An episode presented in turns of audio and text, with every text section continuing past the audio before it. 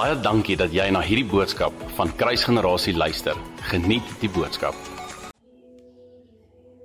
Goeiemôre familie en baie welkom weer vir oggend by ons devotional. Ek hoop dit gaan goed met elkeen van julle. Vanoggend het ek gedink om gou 'n bietjie te gesels oor praktiese metodes hoe om jou gedagtes te rig op die dinge daarbo. Die laaste twee keer se devotionals wat ek gedoen het, het ek gesê dat mens jou gedagtes moet rig op die dinge daarbo want dis wat die woord vir ons sê. Maar dis nie altyd maklik nie en dis nie altyd baie prakties uitgelê in die woord hoe om dit te doen nie. So ek het net drie goedjies vanoggend wat ek graag met julle wil deel, praktiese maniere hoe ons ons gedagtes rig op die dinge daarbo. En ek wil net dit sê dat dit wat om ons aangaan hier op aarde, ons moet dit nie ignoreer nie. Dit is nie dit is concerns wat daar is. Dit is um uitdagings wat daar is. Ons moet nie vir een oomblik dink dat dit nie werklik is nie of dat ons dit net kan ignoreer en aangaan met ons lewens en dat dit nooit aan ons deur of aan ons by ons huis sal opdaag nie. Daar was 'n tyd in 2011 wat ek en Jan in ons huis aangeval is en om eerlik vir julle te sê ek het altyd gedink dit gebeur met ander mense. Ek het nooit gedink dit sal naby ons kom nie en toe het dit. Toe was dit 'n realiteit. Toe het dit met ons gebeur en ons het vir baie lank daarna um geveg teen 'n ding soos vrees. Geveg hoe om hoe om net verby daai punt te kom van bang wees die hele tyd. So daai goed is realiteit. Wanneer hulle by jou inbreek, wanneer siekte oor jou pad kom, wanneer daar dood in jou familie kom, dis alles werklikhede. Maar wat sê God? Hoe wil hy hê moet ons optree in daai situasies? Hoe wil hy hê moet ons dit hanteer? Want ek glo met my hele hart as 'n kind van God, as 'n gelowige, moet ons dit anders hanteer as die wêreld.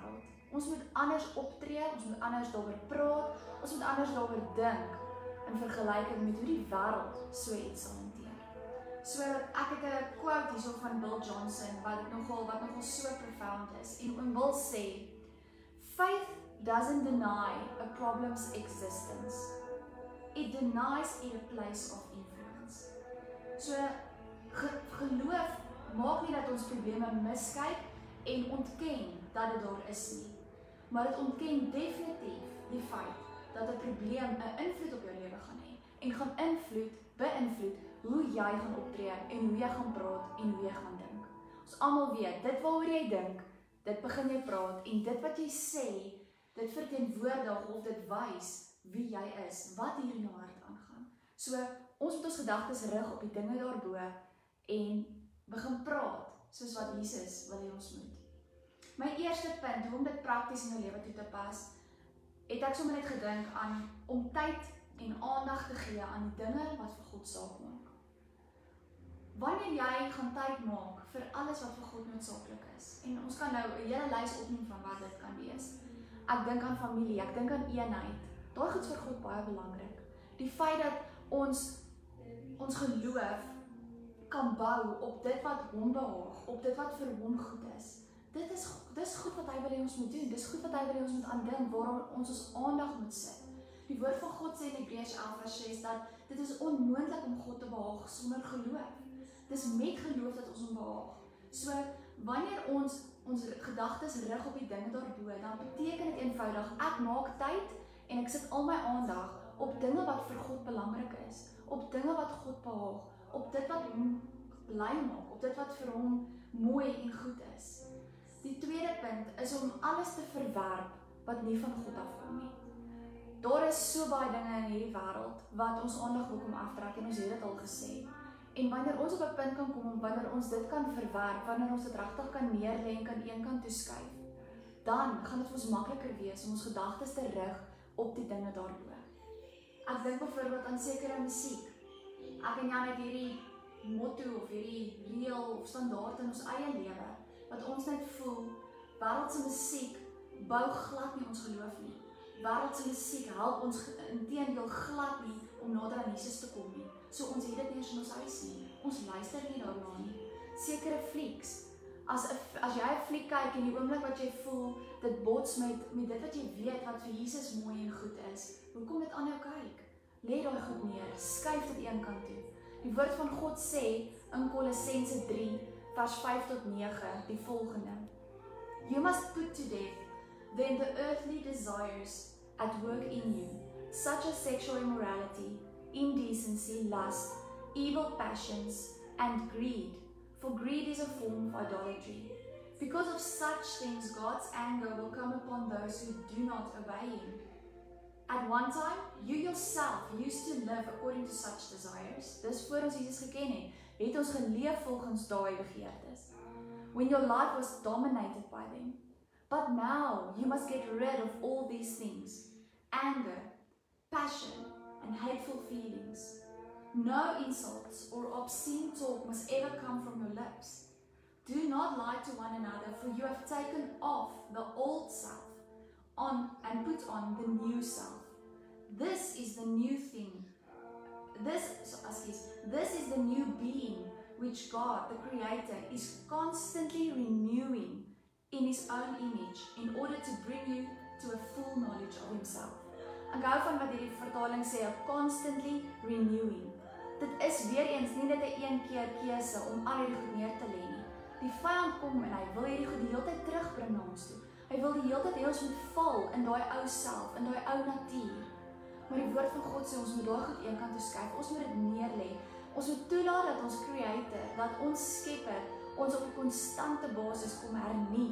Die oomblik wanneer ons teruggeval het in iets soos kwaad of bakleierery of um greediness, evil passions, wanneer ons gejok het, wanneer ons teruggeval het in enige sin, in enige sonde, wil God net hê ons moet toelaat dat hy ons kom hernie en weer kom hernie en weer kom hernie.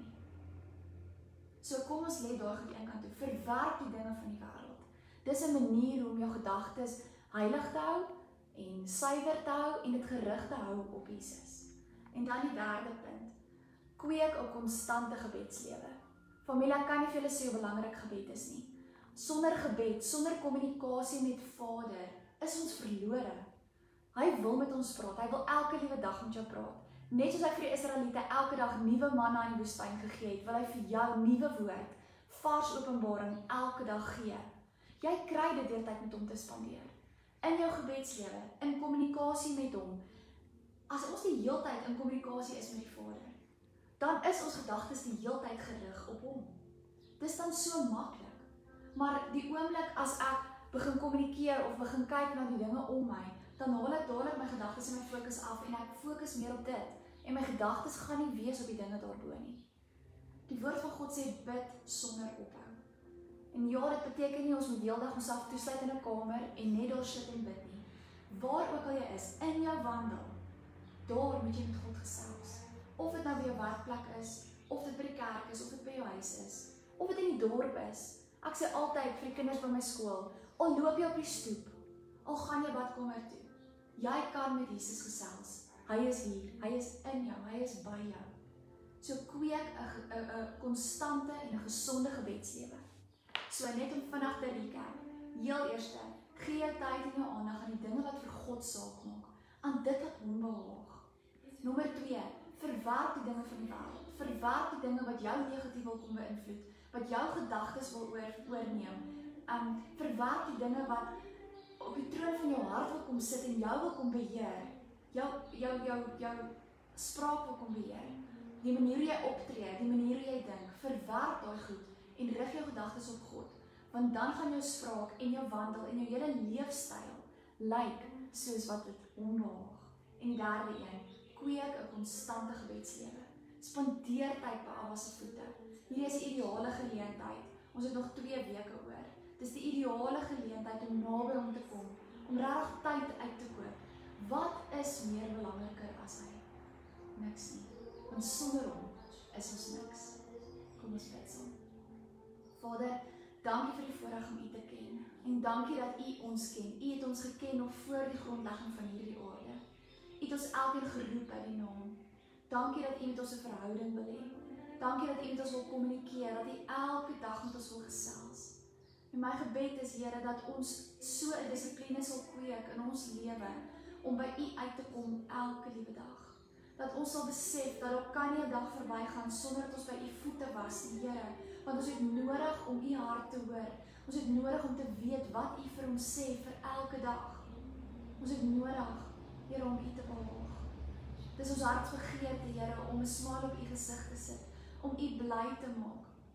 Help ons Here om die dinge van die wêreld, die dinge wat ons negatief wil kom beïnvloed, te verwerp, een kant toe te skuif en ons fokus en ons aandag en ons tyd vir U te gee. U is ons nommer 1, Here. U is ons eerste liefde. Help ons om dit konstant deel te maak van ons lewe, om konstant by U uit te kom. Here, eerstens omdat ons U so liefhet. Dankie Jesus dat U by ons elkeen is. Dankie vir U beskerming. Dankie vir U voorsiening in hierdie tyd. Dankie dat ons net kan weet dat die vrede van God in ons harte kan heers. Here, want U is ons vredevors. Ek bid dat U elke familielid, Here, elke persoon wat hierna kyk, so sal bless in hierdie dag. Mag hulle U liefde en U teenwoordigheid ervaar daar waar hulle self hierdie oomblik bevind. In die naam van Jesus. As geluister het. Indien jy die boodskap geniet het, deel hom asseblief met jou vriende.